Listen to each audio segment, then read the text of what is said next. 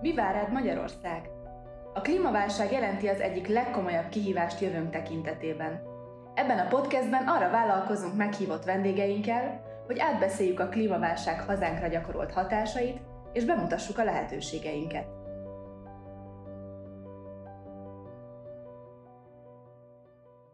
Sziasztok, üdvözlöm a kedves hallgatókat! Ez itt a Mi Vár Rád Magyarország podcast legújabb epizódja. Mai vendégünk Perger András, a Greenpeace klíma és energia kampány felelőse, és a mai témánk Magyarország energiapolitikája. Üdvözlök a stúdióban, örülök, hogy itt vagy. Szia, és én is örülök, hogy itt lehetek. Az első kérdésem az volna, hogy, hogy jelen pillanatban a Greenpeace-nél mivel foglalkoztok energetika terén? Valójában mindennel. Milyen kampányaitok vannak? Egy jellemzően azért ez hogy látszik az elmúlt években, mivel foglalkozunk, de a foszilis energiaordozóknak a kivonásával és a Magyarország ott arra felé ösztökélni szeretnénk, hogy minél nagyobb erősebb klímavállalásokat tegyen, minél gyorsabban csökkentsük a széndiokszid kibocsátásainkat. E, jelenleg is ezen dolgozunk. Van valami most futó kampányotok éppen? Vagy most készültök rá? Hát mi, mi ugye sosem megyünk a szomszédba azért, hogy, hogy megosztuk a közéleményt bizonyos javaslatokkal. Például a múlt héten volt egy akciónk, fölmásztunk egy, fölmentek a aktivisták, a kollégák a, a M1-es m kivezetőjén egy, egy gyalogos felüljáróra, és hogy kifeszítettünk egy feliratot, amiben azt követeljük, hogy a sebességkorlátozásokat vezessenek be Magyarországon, kérve azt, hogy a a autópályákon 130-ról 100-ra, az autóutakon 110-ről szintén 100-ra, illetve az országutakon 90-ről 80-ra csökkentsék a sebességhatárt. Ezt egy nagyobb közlekedési energiatakarékossági kampány csomag részeként úgy gondoljuk, hogy legalábbis európai szinten, hogyha az különböző intézkedéseket bevezetnénk, amelyeknek része a sebességkorlátozás is, de benne van ilyen is, hogy tiltsák be a, a rövidtávú repülőgépjáratokat, stb. stb., akkor ilyen 12-13 százalékát az energetikai, a közlekedési által felhasznált energiának megtakaríthatnánk. Most azt gondoljuk, hogy van ebben az energia, vagyunk ebben az energiaválságban az Európai Unióban, amelynek a, a, a megoldása rövid távon egészen biztos a, az ilyen radikális fűnyíró-szerű energiatakarékosság. Drága, jön, nem jön, hát akkor használjunk kevesebbet. Ennek a része ez, hogy akkor csökkentsük a sebességet az autópályákon. Akkor meg is érkeztünk a, az első témához, a energiaválság Európában. Mit kell erről tudni? Mi az okozója? Valóban a szankciós politika-e vagy sem? Mi a Greenpeace-nak az álláspontja? Igazság szerint így könnyen rámutatni egy dologra, hogy mi, mi okozza ezt az egészet, meg ki okozza, meg az, az nem nagyon lehet. Én azt gondolom, hogy azt gondoljuk, hogy az a, fő probléma az, hogy nagyon sok energiát használunk, nagyon sok energiaoldozót használunk a társadalom és a gazdaság működtetéséhez, és jellemzően foszilis energiaoldozókat használunk. Ráadásul itt Európában olyat, ami szemlátható nem áll rendelkezésre. Tehát sem a olaj, sem a gáz Európában alig van, ugye tudjuk, ilyen 10-15-20 százalékát termelik ki, vagy termeljük ki itt Európában, a többi vagy vezetéken, vagy hajón érkezik Európába. Ez most kiderült, hogy milyen sérülékenységet okoz itt az Európai Unió országai számára. Valójában ez okozza a problémát. Azt ugye most nem egy gázvezeték eltörése, hanem az okozta, hogy háború van, az, hogy valaki rájut a vezetéknek egy bizonyos pontjára, és ott eltekert a vezetéket. Ezek már csak mellékes kérdések. Valójában a fő probléma onnan ered, hogy ráadásul hogy klímaválság közepén túl sok foszilis energiahordozót használunk. Miért alakult ez így Európában, hogy olyan energiaforrásokra um, támaszkodunk, amik, amik nem elérhetőek számunkra itt jelen pillanatban? Hát ennek történelmi gazdasági okai vannak. Jellemzően az, hogy ezekért az e- energiahordozókért kellett papíron ránézésre a legkevesebbet fizetni, többé-kevésbé rendelkezésre álltak, és viszonylag biztosnak tűnt a beszerzésük. Egy darabig belföldön termelték ki, aztán jött a külföldi források. Ezek nem, nem feltétlenül mindegyik olyan helyre jött, ami borzasztó veszélyes lett volna, vagy nagyon veszélyesnek tartanánk. Itt a Norvégiából is rengeteg gázt exportálunk. A lényeg az, hogy rengeteg iparág, technológia, amit használunk, ezek mind ezeknek a felhasználására épült.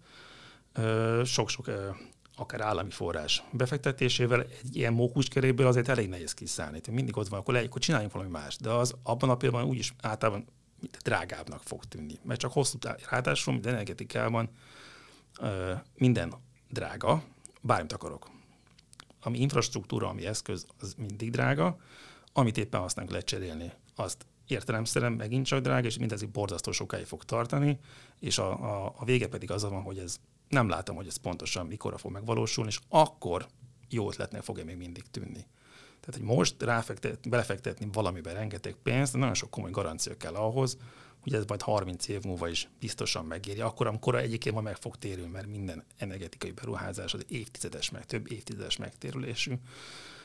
Így ért aztán érthető, hogy a, ebből a szempontból, hogy a döntéshozók, legyenek azok gazdaságok vagy politikai döntéshozók, azok a, a, a pillanatnyi legkisebb ellenállás felé mennek, és akkor, amikor nem tűnik biztosnak, hosszú távon tűnik mindig drágának, bizonytalannak tűnik valami, legyen az megújuló, stb. Hát először nem nagyon akaródzik belefektetni. Hiszen egyébként ott van a kőolaj, meg a földgáz, meg a szén, még mindig olcsóbb.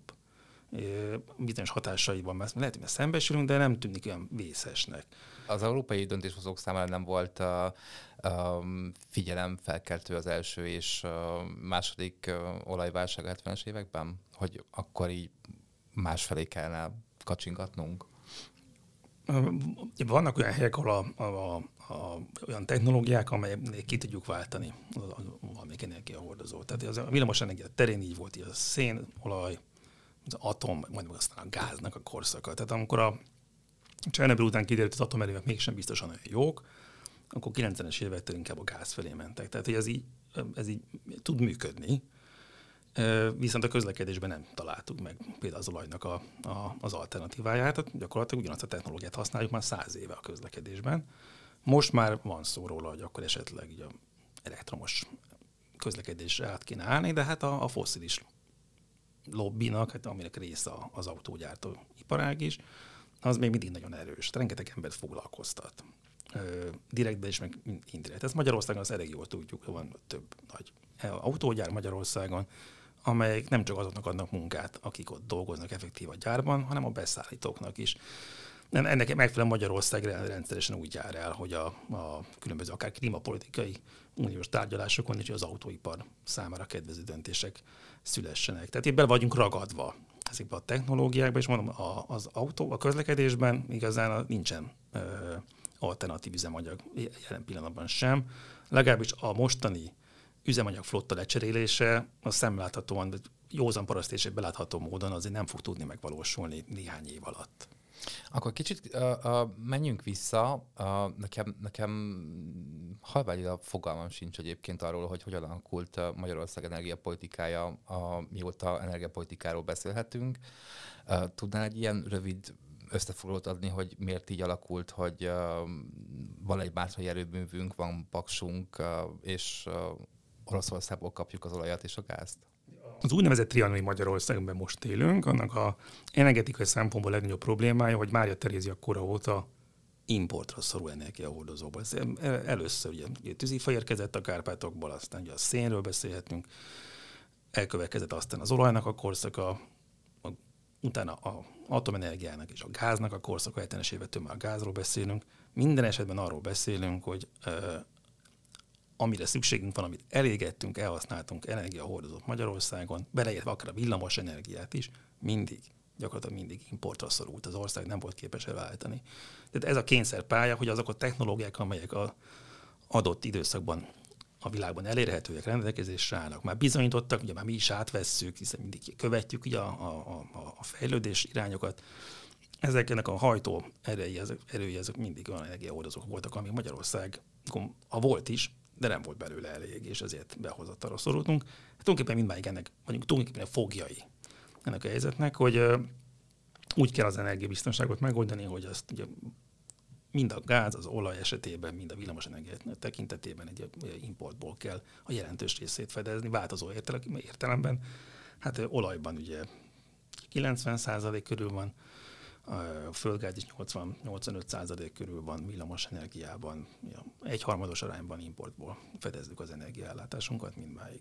Milyen volt a, a rendszerváltás idején Magyarország energiamixe? Amikor az utolsó szovjet csizma is elhagyta Magyarországon?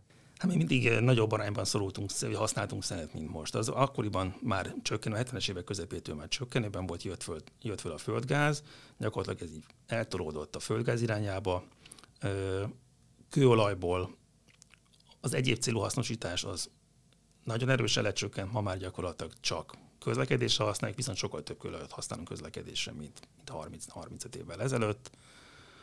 A villamos energia felhasználása pedig most már meghaladja, a, jó, már jó néhány éve meghaladja a, a rendszerváltozás körüli szintet. Egy darabig alatta voltunk, hiszen a, a, az energiaigényes iparágak azok bezártak Magyarországon, de a 2010 körül óta mondjuk így nagyságrendileg ilyen évtizedes távlatban már több villamos energiát használunk, mint, mint 88-89 körül.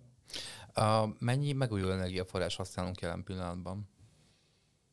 Na ezt úgy számolják, hogy a, a, azok a vállalásaink vannak az Európai Unió felé, azok nem a primer energiára vonatkoznak, hanem a úgynevezett végső energiát, azt, amit a, a, a felhasználók felhasználnak. Abból egy nagyságrendileg ilyen 14 ot vállaltunk a 2020-ra, ez nem teljesen valósult meg, de mondjuk ilyen 12-13 százaléka a Magyarországon felhasznált energiának, amiben bele van a villamos energia, meg a tűzifa is, az megújuló, bele van a nap, a szél, a tűzifa, a vízenergia, a geotermia, úgy nagyjából, illetve a villamos energiáról beszélünk, akkor egy nagyságrendileg ilyen 10 százalékos arányról beszélhetünk. Uh, ez növekvő tendenciát mutat? Növekvő tendenciát mutat, igen, és jellemzően a, a, a napenergia gyors terjedése okán, ami 2017-18 óta egy ilyen robbanásszerű fejlődésnek indult Magyarországon. Mi történt a 17-18 környékén, hogy ennyire robbanásszerű fejlődésnek indult? Hát rájött a döntéshozó, hogy ez tényleg olcsó. Mert, mert 20 éve mondunk, hogy zöld, zöldek, hogy megújulóba kéne fektetni, mert ez a jövő, csak észre kellene csinálni. Egy idő után beakadt, és már Hát ami, ugye látjuk, ugye ezt tudjuk, Magyarország, mondtuk már, hogy követő ilyen félperifériás ország, tehát ez megvárja, hogy mi történik máshol. Akiknek több pénzük van kockáztatni, meg kísérletezni, azok elkezdik, és ami működőképesnek tűnik, akkor azt mi átvesszük. És ez a napenergiában valósult meg. Van többféle támogatási rendszert is jellemezte ezt a szektort, az előző kifutott ilyen 2018-19 körül, de annak az utolsó fázisában még nagyon sokan, nagyon sok vállalkozás bejelentkezhetett, illetve most az ott egy másik fajta támogatási rendszer, abban is az a, ez egy bőven megtelő beruházás a, a, a áramtermelő vállalkozásoknak, és emellé jött még be az, hogy a Unió is például a lakossági napelemes fejlesztéseket is támogatja, ami átmegy a magyar kormányon is, és gyakorlatilag ennek a kettőnek a, a, a, az eredője az, hogy Magyarországon mind az ipari, mind a lakossági szegmensben igen nagy és növekvő a penetrációja, a szabad ilyen csúnya szavakat használni a napenergiának. Ez azt jelenti, hogy igen, most megy az, az utcában is megy, akárhol lakunk, ugye akkor már a szomszédnak, meg a kettő arra lakónak is biztosan van napelem, ez most már teljesen jól látható Magyarországon, hogy a napenergia az van, terjed, fejlődik. Uh, szóval azt mondod, hogy megáll, uh, uh, megvártuk még, uh, még uh, ez így elterjed, mert hogy egy félperifériás ország vagyunk, uh, viszont a szélenergiával mi történt? Mert hogy itt uh, én úgy tudom, hogy pont az ellenkezője történt. Hát ez, igen, ez, ez jól látod. Erről sokat beszéltünk az elmúlt 5-6 évben, amióta Magyarországon jogszabályok korlátozzák a szélenergia felhasználását, de olyan mértékben egy értelmesen korlátozzák, hát mert, mert minden korlátozza a jogszabály, hála az ének, mert akkor kőkövön marad, hogyha semmit nem korlátozna. Viszont a szélenergia esetében egy érthetetlen módon egy, egy gyakorlatilag tiltás tiltó helyzet következett be. A jogszabályok nem mondják ki azt, hogy nem szabad új szél, szél építeni Magyarországon, de ha végignéz az ember a, a, a vonatkozó jogszabályokat, akkor azokból az következik, hogy hát ezt nem lehet megcsinálni. Ugye a leg, többet emlegetett példa ennek, hogy a település határtól legalább 12 kilométerre kell lennie egy új annan építendő szélturbinának, hát ilyen pontja Magyarországnak nincsen, és innentől kezdve az összes többi jogszabályi feltételt már nem is kell nézegetni, mert akkor biztos nem érdemes egy ilyet csinálni Magyarországon. Soha nem kapott részleges, részletes magyarázatot, a, vagy kaptunk részletes magyarázatot a magyar államtól, hogy ez miért így történt. Én még emlékszem arra, hogy a, az első többféle jogszabályt, ugye kormányrendet is volt, de a, a villamosenergia törvényben is elejtetett egy pasztust, amit még annak idején Áder János köztársasági elnök is visszaküldött a parlamentnek megfontolásra, mert nem tartotta helyén valónak ezt a fajta korlátozást, azt a második körben a parlamenten megint átment, és ugye akkor a köztársasági elnöknek már nincs más dolga, mint aláírni a, a vonatkozó jogszabályt. Tehát sem iparági, sem szak, semmiféle szakmai, sem társadalmi vita erről nem volt. Most viszont ugye ott tartunk, hogy van ez az energiaválság, és akkor van egy kis szaladgálásuk, amit tudnánk csinálni, és az évek óta tartó magyarázat nélküliség, vagy a fals magyarázatok után most elkezdődött egy van olyan kommunikáció a kormányzat részéről, amelyik úgy tűnik, hogy gondolkoznak azon, hogy elengedik ezt a tiltást, és újra nyitják a kérdést. Kicsit forduljunk vissza, hogy Említetted, hogy, hogy a gáz mennyire fontos energiaforrás lett Magyarország energiamixében a 90-es évek után, szépen fokozatosan. Én a 2000-es évekre emlékszek, hogy folyamatosan hírek szóltak arról, hogy Nabucco kell, újabb gázvezeték kell, honnan jöjjön a gáz, akkor ugye a, a Nabucco nem épült meg, de délről megépült egy másik gázvezeték, ami kikerüli Ukrajnát, de hogy közben miért maradtunk rajta az orosz gázon? Hát gondolom azért, mert rajta akartunk maradni. Vagy olcsó volt? Hát valaki azt gondolta, hogy ez biztos jó. Um, már, már 2000-es években is látszott, hogy ez, hogy ez így nem lesz oké. Okay. Tehát, hogy akkor, akkor is probléma volt, hogy nem lesz gázeremelés, de lesz gázeremelés. Én nem emelem, de te meg fogod emelni, stb. Folyton ment a vita, a, a költségvetésnek a zsebébe kellett nyúlni, ezt akkor a gázár támogatásnak hívták.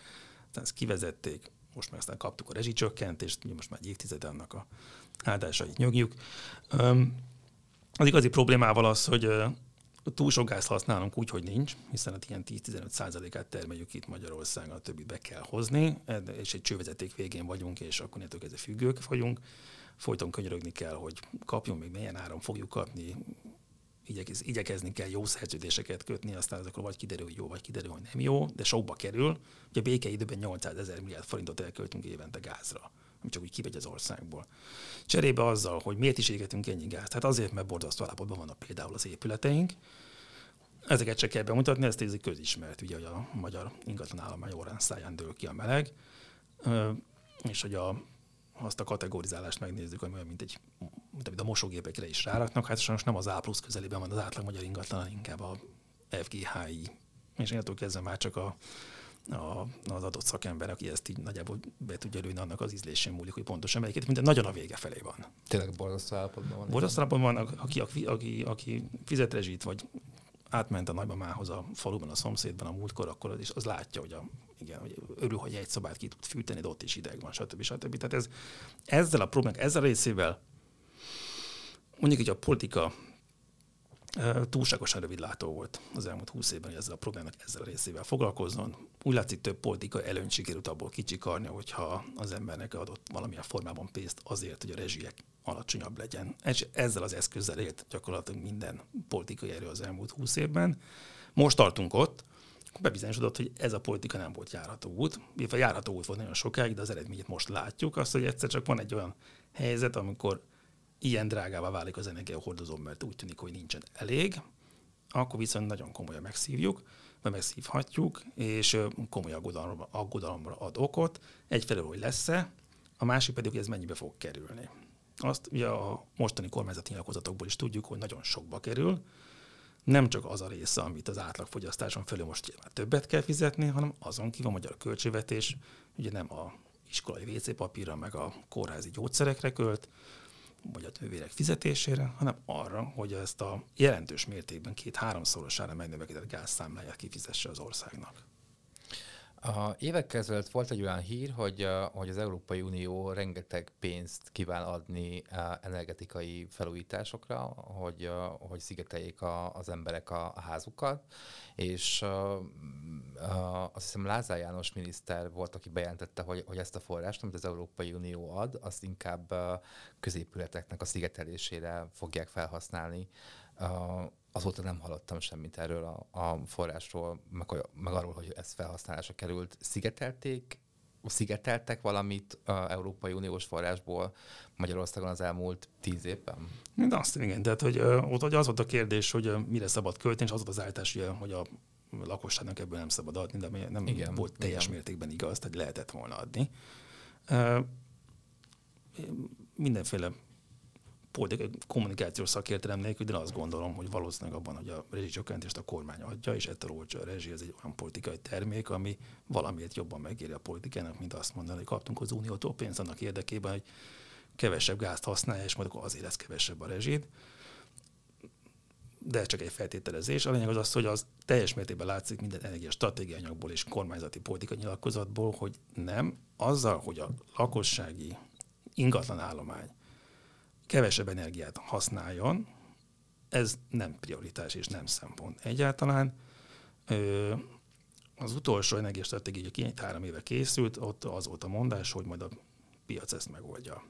Ugye mert van egy uniós rendelkezés, hogy a energiaszolgáltató cégeknek évente meg kell takarítani a bizonyos mennyiségen, annyival kevesebbet kell forgalmazniuk. Tehát érdekelté, kötelezettség mentén érdekelté tették a, a, az energiaszolgáltatókat, hogy, hogy valamilyen módon kevesebb energiát adjanak el, és ezek, ennek érdekében beruházásokat van, vegyenek részt. És akkor majd ez majd valahogy megoldja ezt a problémát. Akkor majd a, a, a, a gáz szolgáltatók majd segítenek, vagy cégeknek, vagy magánszemélyeknek majd eldöntik. De igazi kormányzati, központosított akarat, szempontrendszer, iránymutatás, ezt hogyan kéne megcsinálni, nincsen, és az deklaráltan az, hogy a, deklarált az, hogy a magyar ingatlan állomány, a lakosság ingatlan állományal a magyar állam nem kíván foglalkozni abban az energia hatékonyságában, takarékosságában, nem kíván pénzt fektetni, ez kvázi deklarált. Ami én azt gondolom, hogy a mostani helyzetben látszik, hogy, hogy butaság. Mm. És ezen kezdtem el gondolkozni, hogy, hogy említetted, hogy, hogy a, majd a piac megoldja, ez nagyon sokszor elő szokott fordulni, de egyetlen egy olyan dolgot nem tudok most így kútfőből mondani, amit így a piac megoldott volna. Én csak azt mondom, hogy az a több száz milliárd forint, amit mondom, hogy békeidőben, tehát amikor nincsen háború és nincs energiaválság, az, az a pénz, az, az akkor is távozik a határon, hogyha ha nincsen háború, és hogyha senki nem tekergeti a gázcsapot. Tehát az, az legyen azok azeriek, oroszok, norvégok, vagy irániak, tök mindegy, azok köszönik és zsebre rakják. De ez ne, nekünk nem az lenne az érdekünk, hogy ezt a pénzt itt tartsuk benne az országban, mert ebből akár még munkahelyeket, olyan munkahelyeket lehetne finanszírozni, amiből mondjuk napelemes vállalkozásokat lehetne finanszírozni, vagy szigetelést lehetne gyártani, vagy valami, és akkor egy idő után így önmagát is elkezdeni valami formában visszatermelni ez a pénz. Ugye nem az oroszoknak, norvégoknak, azerieknek adunk, hanem a gazdaságot fejlesztjük belőle, mert nem kellett odaadni másnak, mert nem fogyasztottunk annyi gázt. Ennek azt gondolom, hogy gazdasági politikai haszna is lehetnének, de nem sikerült lehajolni érte egyetlen ö, döntéshozónak sem. Ez nem csak Magyarországon volt probléma, hogy, hogy függünk a, az orosz a, a, a energiától, hanem, hanem Európai Unió szinten is probléma volt. Gondolok itt a, a, a 2006-os, 2009-es első gázcsap elzárásokra. Miért nem volt ez egy intőjel az európai döntéshozók számára? Hát ez egy nagyon jó kérdés. Hát ugye most ugye ott tartunk, hogy a, a, az unióban elégetett gáznak a 40%-a orosz eredetű, az import, ami nagyobb az 50%-a orosz eredetű, és valamiért úgy tűnik, hogy úgy, abba a kényelmes helyzetbe érezte, ringatta magát mindenki, hogy jó, jó, hogy az oroszok ilyenek olyanok, mert meg elfoglalták a krímet, de végig a gáz az kisebb döccenőkár, de mindig jött. Az a 2006-os, 2009-es, az is egy ilyen vita volt, mert az ukránán keresztül jövő gázvezetékekkel volt a probléma, és egy ilyen elszámolási vita volt az ukránokkal valójában. És most már van vezeték dél felé, meg van kettő vezeték is most már lassan észak felé, ugye még évelején arról volt, hogy a Nord Stream, az északi áramlat kettő is be fog indulni, és hogy tulajdonképpen az oroszok mindig is tulajdonképpen jó üzletembereknek bizonyultak, szállítottak rendesen, milyen problémánk lehet. Ezt már... nem, ezt, na ez az, most itt, itt állunk ebben a helyzetben, és akkor azt látjuk, hogy na ez azért nem volt annyira feltétlenül stratégikus gondolkodás. Miközben egyébként nem azt mondom, hogy kényszer helyzetben volt Európa, egyáltalán nem volt kényszer helyzetben Európa, már régóta mondjuk, hogy energiafelhasználás csökkenteni kell, a foszilis kifejezetten csökkenteni kellene a gázt is, lehet, hogy tisztább, mint a szén, de hogyha 50%-át bocsátja, bocsátja ki csak a, szénnek, hogyha villamos energiáról beszélünk, de az még mindig 50, az az 50% mennyiséggel több, mint amit ki kéne bocsájtani, hiszen klímaválság Igen. van, és hogy nem erre felé kellene menni. Igen, sokat szídják a, a német energivendét, mert ugye a, a német atomerőmek bezárásával ugye a gáz alapúvá vált a német gazdaság. Ebben van némi igazság, de az azt is látni kell, hogy speciál a, a német villamosenergia szektorban a széndiokszid kibocsátások csökkentek a, a, az elmúlt egy évtizedes szinten, és hogy a, az atomerőművek helyét valójában a megújulók vették át, úgy, hogy a szenet is sikerült jelentős mértékben csökkenteni, a szén felhasználását is jelentős mértékben sikerült csökkenteni. Ezzel együtt is Németország láthatóan egyre több gázt igényelt. Lehetős részben azért, mert nem csak a villamosenergia szektorban, hanem hogy más szektorokban is fogyasztunk gázt, és azokban a szektorokban sem Németországban, Németországban sem sikerült kibocsátás csökkentés elérni. Miközben az, az villamosenergia szektorban Németországban csökkentek a kibocsátások, a többi szektorban, a közlekedés, a lakosság, az ipari szektorokban nem, vagy csak így nyomokban csökkent. És ez is a probléma része. Igen, hogy a, hogy a kérdés onnan hogy mennyire unikális Magyarországi a probléma, igen, máshol is, nem csak Magyarországon a, csökkenteni kellett volna a, a gáz felhasználását és a fosztisek felhasználását a közlekedésben és a, a, az épületszektorban is. Tök egyértelmű. Annyit azért hozzátennék, hogy Magyarország azért van rossz helyzetben, mert a lakásállománya rosszabb állapotban van, mint az uniós átlag.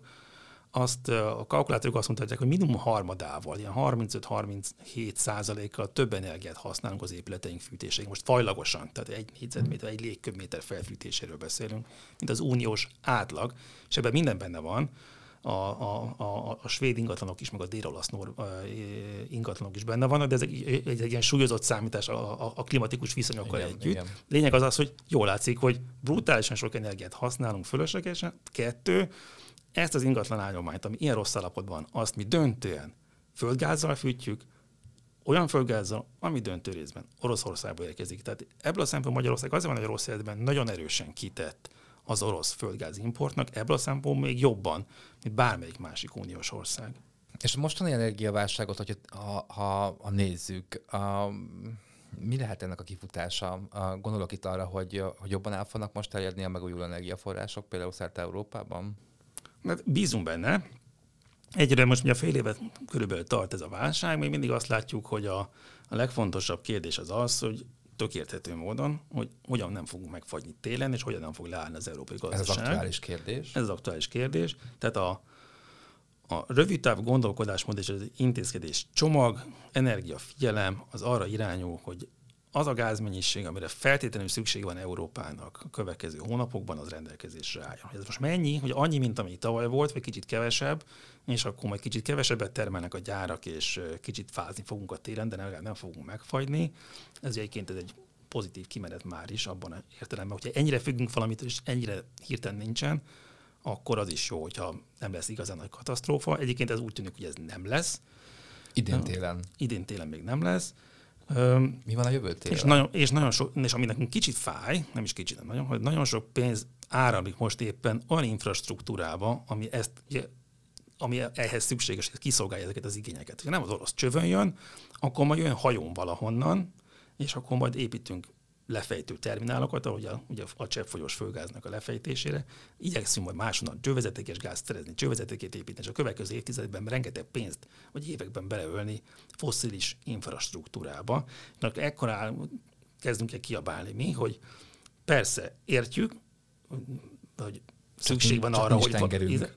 nem csak ugye uniós szinten. Ugye ja. Értjük, hogy erre szükség van, de a, azt, hogy most így jó sok pénzt, euró milliárdokat beleölni olyan infrastruktúrába, amitől meg kéne szabadulni, viszonylag gyorsan, hiszen klímaválság van, és azt mondtuk, hogy 2050-ig nullára szeretnénk csökkenteni a széndiokszid kibocsátásainkat, és mi azt gondoljuk, hogy 2035-ig meg kéne szabadulni a gáztól ennek érdekében, akkor most már nagyon sok pénzt nem abba fektetnék, hogy újabb és újabb csővezetékeket, LNG terminálokat és egyebeket építsek, hanem az alternatívákat, akkor lehet, hogy az épületeknek a felhasználás oldalára kéne azt a pénzt költeni. Például annak érdekében, hogy a gázigény csökkentsem, és nem a gázmennyiség pótlására, és a gázmennyiség, elhasználó gázmennyiséget állandónak véve kezdem el a beruházásokat tervezni.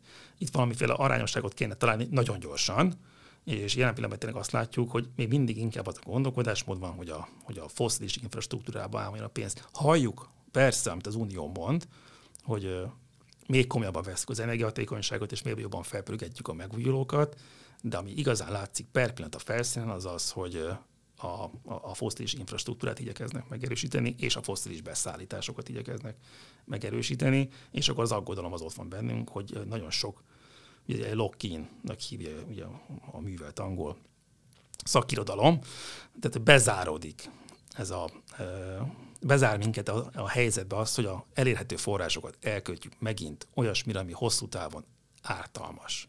és nem látjuk igazán a hosszú távú gondolkodásmódot, hogy abból valóban lépések következzenek, és ezt nagyon gyorsan kellene látni.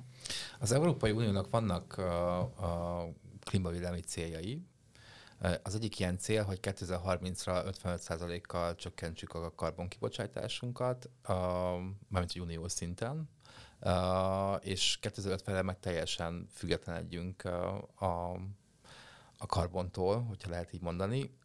Most ez a jelenlegi helyzet mennyire írja felül ezeket a klímacélokat? Szerintem semennyire. Legalábbis a szándékos szintjén semennyire. A, az is lehet, hogy megerősíti. Egyébként ezek a, a, a klímacélok egyébként nagyon erősen felvizeződtek a, az elmúlt években.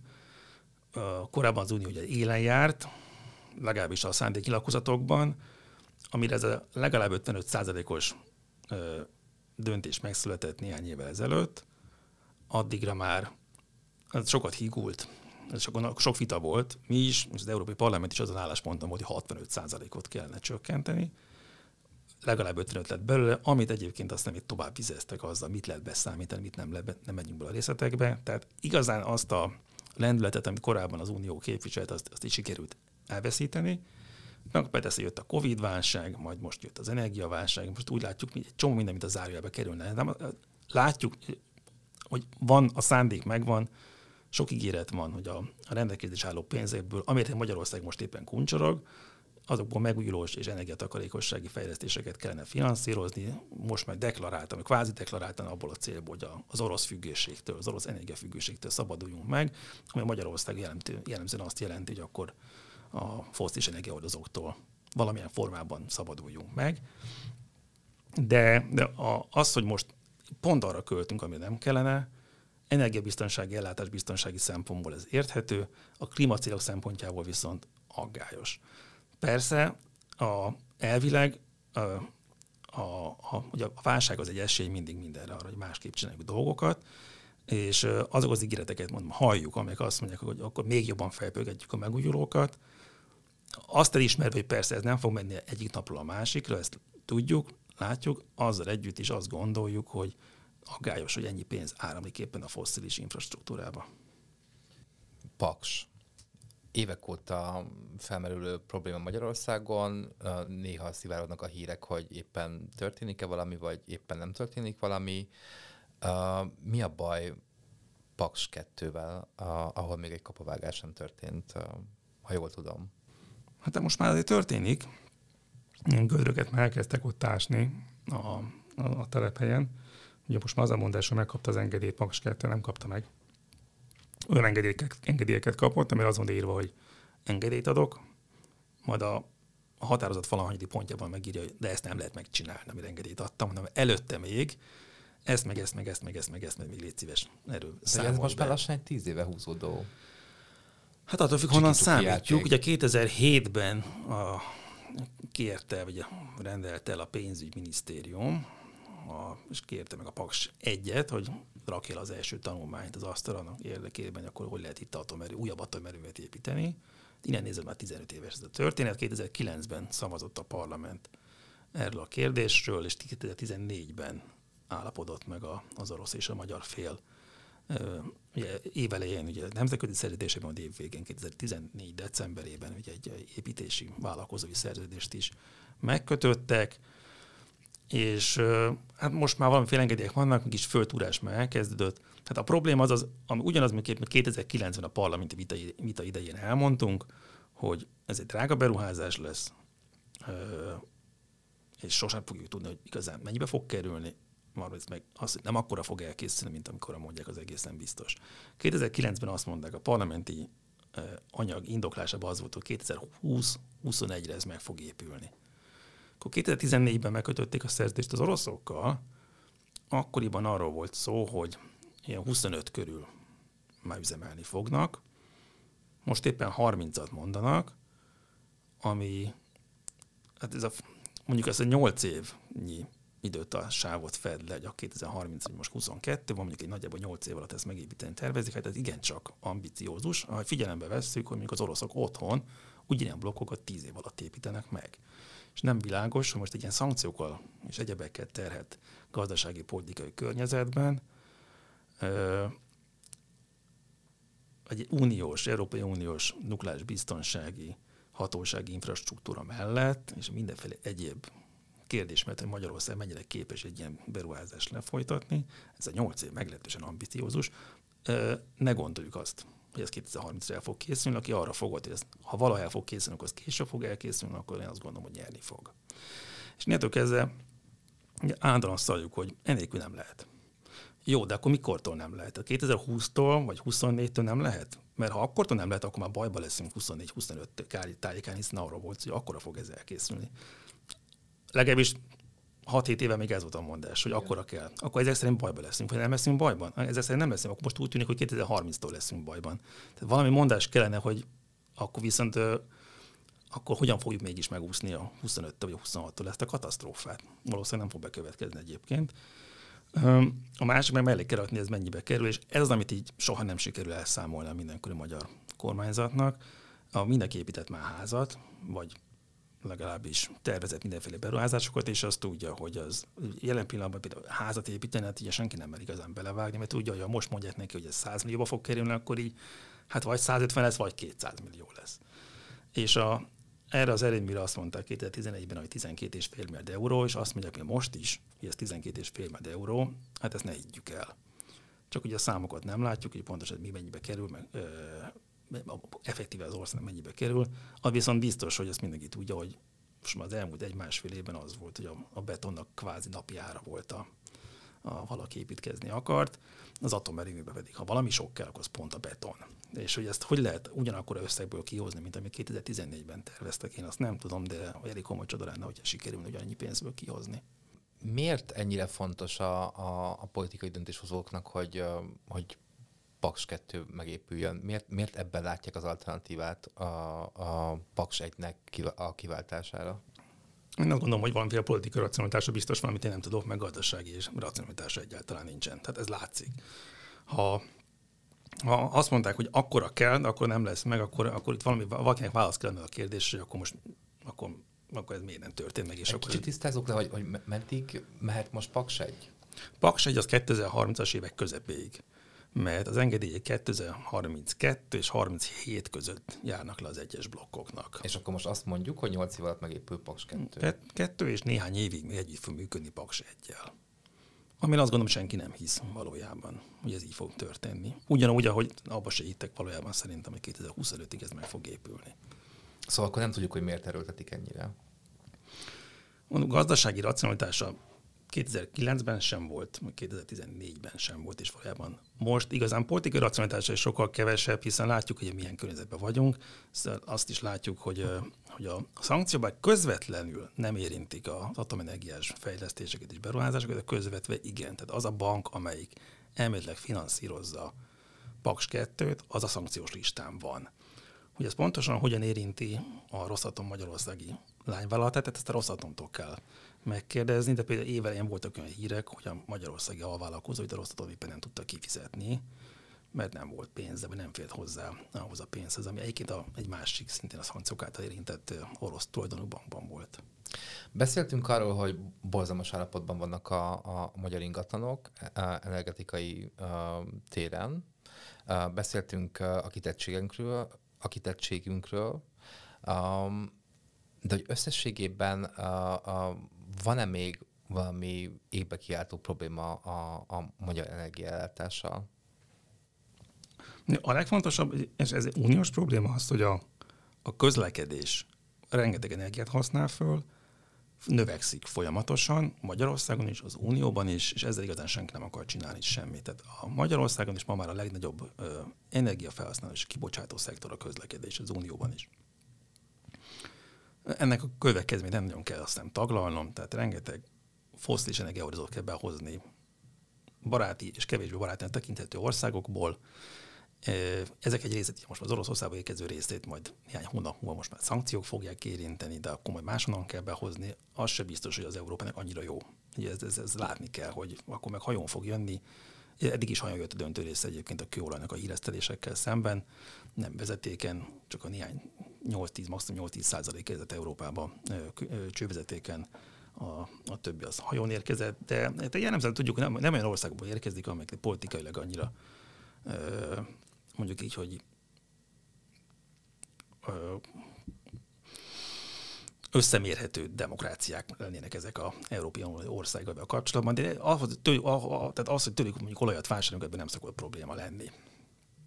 Ami viszont Magyarországon, mivel Európai Unióban probléma az, hogy itt a széndiokszid kibocsátások azok, azok, azok folyamatosan nőnek, a, az olajhasználatból származó környezetszennyezés az meg, az meg itt marad. Ezzel valamit kezdeni kellene, és sokkal gyorsabban és sokkal látványosabban, mint ahogy, ahogy ez történik. Nekünk vannak javaslataink, amelyeket nem, úgy látszik, hogy nem sikerül meghallgatni. Ezek ilyenek, mint a, rövid távú repülőgépjáratoknak a betiltása, a közösségi közlekedésnek a fejlesztése, előnybehozása nagyon sokféle módon. A, a fejlesztési pénzek lehet oda menjenek, és nem a közútfejlesztésre, Beszéltünk már a sebességkorlátozásokról való gondolkodásról, ezen is lehetne gondolkozni. És hát nagyon fontos lenne hogy a, a, a város szerkezeteknek az átalakítása, a városi közlekedésnek a, az átalakítása, mert annak ugye nem csak energetikai előnyei vannak, hanem a légszennyezések szempontjából is nagyon komoly és számos előnye lenne. Itt nagyon sok társadalmi vitát is le kéne persze ezt folytatni. Mindenféle ösztönzőknek a bevezetés nem tiltásokról és korlátozásokról beszélünk, csak hogy dugódíj, meg, meg, meg csökkentsék a sávok számát, tehát ösztönzőket is. Tehát kényelmes, tiszta, megfizethető tömegközlekedési alternatívákat kéne például mutatni, és a többi. Például Svédországban, én bekövetkezettem 2018-19 körül nagyon sokat beszéltünk, akkor a hitem mindenki ráeszmélt, hogy klímaválság van, és ott az emberek elkezdték keresni az alternatívát. Ott ugye belföldi repülőgépjáratok azért vannak, az egy nagy ország, és kényelmes volt a repülőben utazni, és akkor az emberek elkezdték keresni az alternatívát, mert megijedtek, hogy akkor a klímaválság, stb. És akkor kiderült, hogy nem elégséges az infrastruktúra, nem elég jó, nem elég kényelmes, és akkor elkezdték azt is fejleszteni, hogy, hogy, hogy megfizethető és megfelelő komfortfokozatú alternatívát tudjanak nyújtani. Én azt gondolom, hogy nagyon számos ilyen dolog van, amivel foglalkozni kell, és kellene uniós szinten, annak érdekében, hogy, ezek, hogy a környezetterhelés és a, ez a fajta függőség, ez, ez csökkenjen. Uh, uniós szinten, vagy magyar szinten? Is. Is. Uh, hogyan kell gondolnunk uh, az energiaellátásra? Ezt mindenféleképpen uniós szinten kell, hogy uh, tartsuk és kezeljük, vagy pedig uh, a lehető leghamarabb önellátónak kellene lennünk valahogy. Ez, ez ugye örök kérdés, hogy mit kell a, a mit, minek tekintünk, hogyan tekintünk, mennyire lehet potya utazni, mennyire tarthatjuk a markunkat, mi mennyire a saját mi érdekünk. Persze az nem árt, hogyha valaki más pénzt ad, de az, az sem árt, hogy azt az, az jó használjuk fel. A potyautazást azt olyan értelemben veszem, hogy a uniós célokról már volt szó. Most lehet uniós céleket, célokat meghatározni, nagyon nem mindegy, hogyan teljesítjük őket. Az az 55%-os kibocsátás csökkentési cél, ez az az érdekes, mert korábban egy 40%-os volt. A Magyarország azt mondta, hogy akkor mi is 40%-ot vállalunk. Azóta, hogy ezt fölemelték 55%-ra, Magyarország nem mondott semmit és az még nem derült ki, hogy egy közös uniós 55%-os célról van szó, vagy mindenkire egyformán van akkor 55%-os célról van ez szó, mert akkor, hogyha közös uniós 55%, akkor az is lehet, hogy csak 42-t tolunk be. Ez a mai napig nincsenek tisztázva? Nincsenek letisztázva.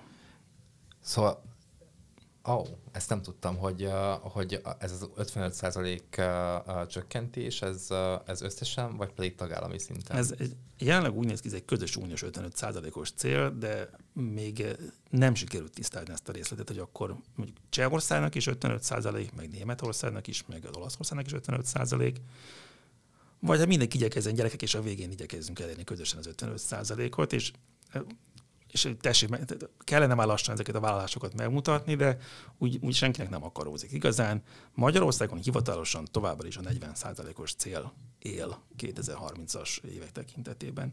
És akkor vissza, viszont visszatérünk oda, hogy mi a Magyarországnak az érdeke, hát az, hogy ne fizessünk ki ennyi pénzt foszilis energiahordozókra, amelyektől borzasztóan függünk, gazdasági és politikai értelemben is. Ez Magyarországnak egy saját jó felfogott célja, hogy ezt csökkentse, hogy kéne, hogy legyen, hogy ezt csökkentse, hogy azt a rengeteg pénzt, mondom, békeidőben 800 ezer milliárd forint csak a gázra, de összességben 1500 milliárd forintnyi összeg minden évben kiment ebből az országból energiaimportra, villamos energiára, kőolajra, földgázra.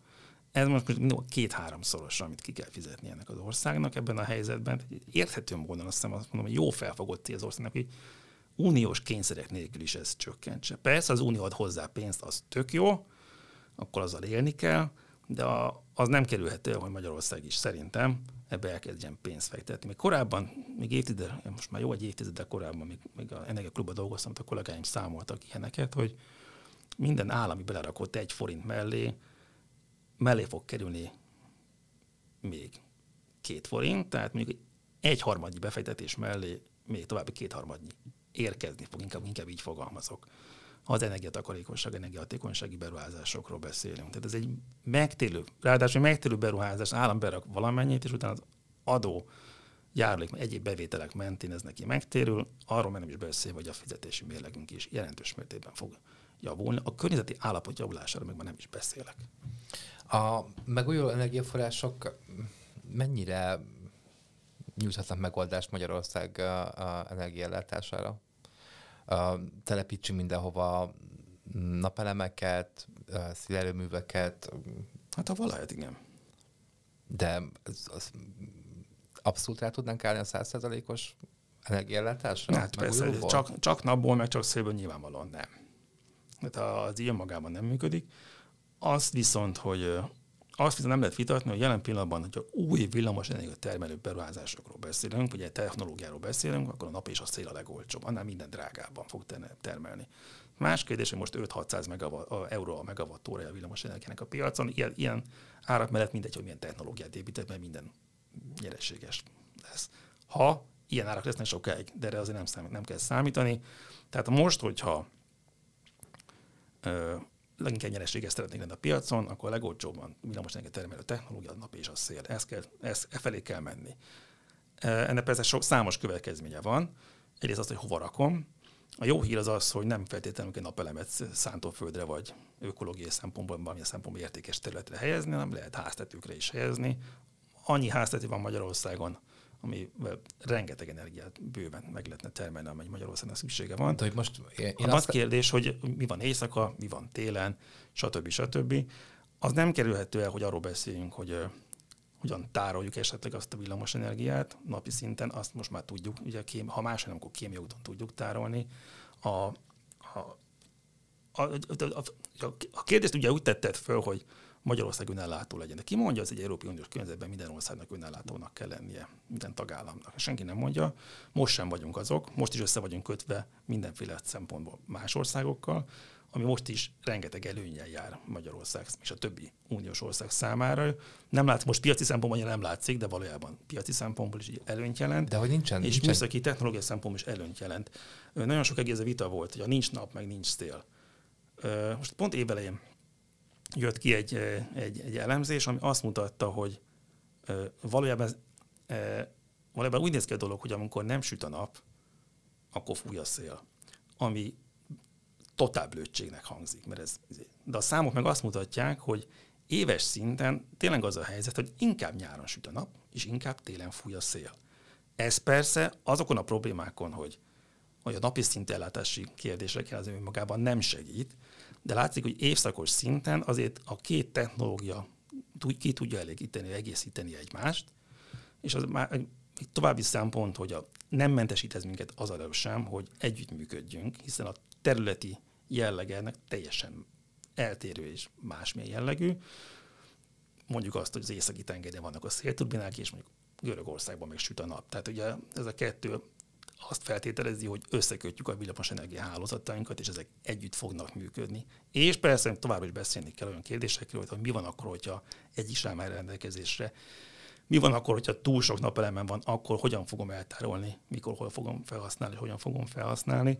De e felé mentünk már a válság előtt is, egyébként csak úgy jel- jelzem, és nagyon valószínű, hogy továbbra is e felé fogunk menni. Tehát a alap tézisnek azt kell felfogni, azt kell felfogni, hogy nap és szeles befektetések lesznek továbbra is a meghatározók az Európai Unióban. Ha csak nem következik be a válság, mert olyan katasztrófa, ami től valami egészen más milyen irány fog venni ez a dolog, amit én most nem tudok megjósolni, és hogy senki nem tud megjósolni, de az a legvalószínűbb, hogyha valamiféle egyensúlyi helyzet felé visszatérünk, továbbra is a nap és a szél lesz a legolcsóbb, és e felé fognak menni a, a, a piacok és a, az ösztönzési rendszerek is. Ezek egyébként abban a szempontból mindenképpen jók, hogy ezek a, a, a, a külföldi import függőség, az energiafüggőségtől nagy mértékben, vagy ezen a problémán nagy mértékben tudnak segíteni az Európai Uniónak. Közben akartam vágni, a, a, amikor az együttműködésre beszéltél, a, az volna a kérdésem, hogy ehhez nem volna szükség egy a, a energiaunióra is? Mert hogy jelen pillanatban nincsen energiaunió. Volt, amit, volt már ilyen kezdeményezés, amit így hívtak itt az Európai Unióban. Ez, hát mindenki a saját szakállára fejleszt jelen pillanatban. Néha az Unió ad támogatásokat dolgokra, de hogy, hogy nincs egy közös hát koncepció. Közös koncepció nincsen, de és abban, abban minden a tagállamnak igaza van, hogy azért minden tagállam más adottságokkal rendelkezik. Tehát egy központinak nem feltétlenül baj, hogy nem mondja meg az Unió, hogy kinek mit kellene csinálnia. De azt, hogy jellemzően a megújulókba enged állami támogatást, azt szerintem rendjén van, és azt is, hogy ösztönzi a tagállamokat kifejezetten arra, hogy megújulós energia fejlesztéseket csinálnak, az, az, az, ez jelen pillanatban is működik, az uniós források döntően erre érhetők el, tehát a megújulós támogatásokra érhetőek el. Ez így, ez így szerintem egy rendben van. Az más kérdés, hogy a tagállamok azok különböző jogcímeken mire adnak támogatást és mire nem. Tudjuk, hogy Paks 2 állami támogatásnak minősül, nálunk ugye atomerőmeg energiát támogatnak belőle döntően, de szinte január-februárban jelent meg a európai könyvvizsgálóknak a jelentése, amiből az derült ki az Unióban, az országok többsége és összességében is a tagállamok a fosszilis energiahordozókat még mindig jobban szubvencionálják, mint a megújulókat. Magyarország is több lóvét ad, valamilyen formában juttatást részesít a foszilis energiahordozókat, mint a megújulókat. Tehát amikor arról vitatkozunk, hogy a megújulók drágák vagy nem drágák, és ki támogat meg, és csak az egy nyereséges állami támogatásban részesülnek, közben azt látjuk, hogy a, a, a foszilis energiahordozók még mindig több állami támogatásban részesülnek az Unióban, mint a megújulók. Um, szóval összefoglalva, akkor mindenféleképpen Európai Uniós közös megoldások felé kellene gondolkoznunk a, az energiapolitika terén. Mindenféleképpen a megújuló energiaforrások azok a, az alternatívák, amik felé uh, mennünk kellene. Um, de csak ez van? Mármint, hogy... Ameddig az Unióban vagyunk, addig én azt gondolom, hogy igen. Tehát, és ez, ez, egy, ez egy nagyon komoly előnye. Én azt gondolom az országnak, hogy nem kell magától, meg nem is tudja egyébként megoldani magától. Meg tudja, valószínűleg az drágább lesz, mint ha együttműködésben oldja meg ezt a dolgot. Egyébként most is arra várunk, hogy az Unió küldje a pénzt, amiben ezeket a fejlesztéseket meg tudjuk csinálni. Tehát azt, hogy cserébe egyetértünk mindenféle egyéb célokban is, és azokat közösen tűzzük és hogy közösen igyekszünk elérni, ebben hol a problémát, látok ebben semmiféle problémát. Jó. Um, Gerencsi András vegyész légkörkutatónak, a Pannon Egyetem rektorának megjelent egy uh, uh, interjúja a, a nyáron a 24.hu, uh, nem tudom, hogy olvastad el, uh, eléggé borulátó volt uh, mindenfajta tekintetben, szerintem már minden elkéstünk, uh, és uh, volt egy uh, pár bekezdés, ami a megújuló energiaforrásokról szólt, hogy, uh, hogy azoknak a, a a megépítése, fejlesztése az, az véges, szóval, hogy ez sem megoldás a, a, az energia problémára. Um, tudunk erről egy pár szót mondani? Most a részletek citálása nélkül sok mindenben nem értettem egyet, az interjúban leírtak, hogy elhangzottak, hogy sok mindenben még igen. Két tévedések is voltak benne, konkrét tévedések is voltak benne azzal a szemlélettel maximálisan egyet tudok érteni, hogy az nem megoldás, hogy mindenkinek a fenek alól kihúzzuk a benzines autót, és berakunk egy elektromosat, oda rakunk egy elektromosat. Hát azzal nem sok minden fogunk tudni elérni. Ez tökre igaz. Azt is, hogyha ha bezárjuk, hogy összes szén, meg atomerő és gázerőművet, és mindenhova szélturbinát, meg a, a, a, az élelmiszer termelésre alkalmas, meg ökológia szempontból fontos területek napelemeket fogunk rakni, hát az sem a megoldást egyáltalán. Tehát a, én azt gondolom, hogy a, a energia felhasználás radikális csökkentésnek az igazán nincsen alternatívája. Az azért be kell látni. Ezt hogyan fogjuk tudni elérni? Ö, olyat semmiképpen sem mondanék, mert nem is gondolom, hogy ez, ez az üdvöző tény, mindenkinek azt mondjuk, hogy figyelj, ne utazzál, maradj otthon. Hanem inkább arra fel kéne összögélni az embereket, hogy ha utaznak, akkor energiahatékony módon utazzanak. Erre nem az megint csak a megoldás, hogy kötelezzük őket, hanem olyan alternatívákat kínálunk nekik, amelyek mentén mondjuk picikire tud szállni, és nem érzi úgy, hogy neki mindenképpen autóval kell mennie a dolgozójába. Esetleg nem biztos, hogy dolgozóba el kell neki utazni a munkahelyre, hanem otthonról is tud dolgozni. Vagy olyan lakókörnyezetet alakítunk ki, amely nem feltételezi azt, hogy mindenképp egy autóval kell az életét meg tudja oldani. Itt már rengeteg mindent meg lehet spórolni kapásból, itt az ener- és akkor most csak a, a közlekedés energiáról beszélünk. De ugyanaz vonatkozik a, az épületek, sokat beszéltünk. Még mindig rengeteg energiát pazarunk el azért, hogy a, az épületeinket üzemeltessük, azaz fűtsük. Ezt is mindenképpen csökkenteni kell, és a végén azt is meg kell nézni, hogy a villamos energia felhasználást azt tudjuk, és igen, akkor hogyan csökkenteni. Egyébként egy növekvő villamos energia igény mellett.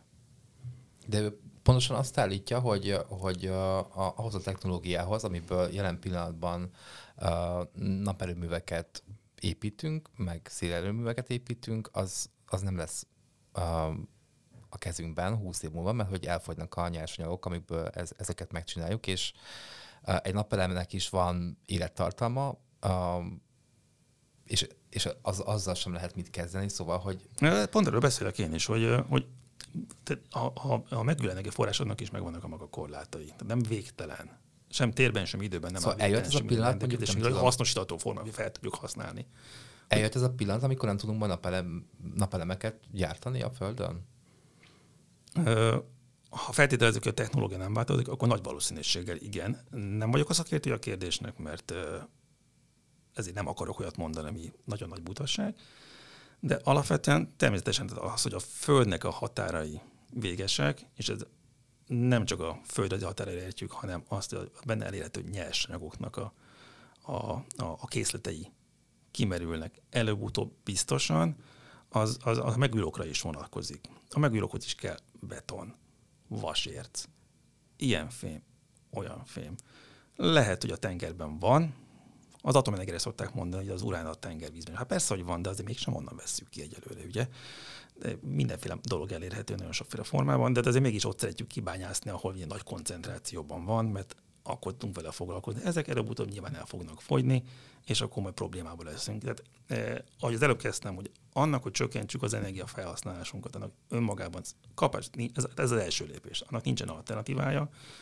Ez az első. A következő kérdés az azt, hogy ezt milyen energiaforrásból oldom meg azt a, a mostanál szerényebb energiaigényemet, akkor kell a megújulókat elő, elővenni. Tehát az, hogy a mostani energiaigényt akkor nem szénből, meg atomból, hanem megújulóból fogjuk megoldani, az, az ugyanolyan butaság, mint ahogy mondtam, hogy a benzines autó egy most Nem, nem. Benzines autót azt felejtsük el, és tegyük lehetővé az embereknek, hogy közösségi közlekedés használjanak, hogy sétáljanak, hogy rollert használnak, bármit, amit el tudunk képzelni egy városon belül, és hogy ne feltétlenül kelljen annyit utazniuk. Mert gyakorlatilag most így az egyik dolog, hogy nem csak azt kényszerít az embereket mondjuk például az autó használatra, mert kulturálisan ezt nem tudják másképpen elképzelni, hanem effektíven, amikor a város szerkezeteink is ilyenek, és cserébe az alternatívák meg hát lássuk, nem elég vonzóak. Ezeken a kérdéseken is, ezeket is hozzá kell nyúlni, hogy ez megváltozzon.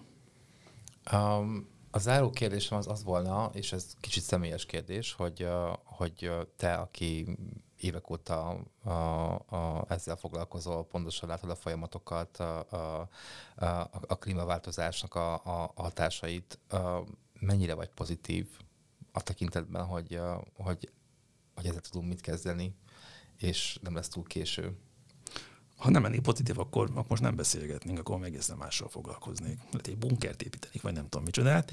Nem, én teljes mértékben abban vagyok, hogy hiszek benne, hogy, hogy még, még mindig időben vagyunk. Persze, hogy 20 év ezelőtt elkezdtük volna, akkor könnyebb dolgunk lett volna, ezt mondtuk is annak idején, hogy minél hamarabb kezdjük el, annál kevésbé lesz meredek.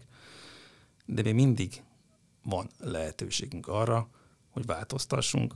Van, pont ezért nem szerettem a, a, azt az interjút, mely kicsit ilyen világvége hangulatot teremtett. Én azt gondolom, nagyon sok tudós együtt és nagyon sok kollégámmal együtt, hogy még mindig van tere a cselekvésnek, és szükségessége és van lehetőség a cselekvésnek, afelé kellene mennünk, hogy, ezek, hogy, hogy cselekedjünk.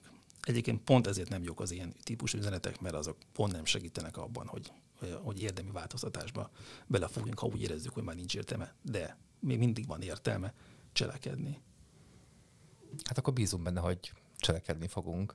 Nagyon szépen köszönöm Perge Andrásnak, hogy itt volt ma a műsorban velünk, és sok szeretettel várjuk őt vissza legközelebb is. Ha tetszett az adás, adjatok öt csillagot podcast felületeken, iratkozzatok fel, lájkoljatok és kövessetek minket Facebookon, Instagramon, illetve támogassátok a munkámat Patreon felületünkön. Ehhez minden információt megtaláltok a leírásban, vagy a honlapunkon, aminek a címe mivárát.hu. Nagyon szépen köszönöm a figyelmeteket, tartsatok velem legközelebb is, Falta Milán vagyok, sziasztok!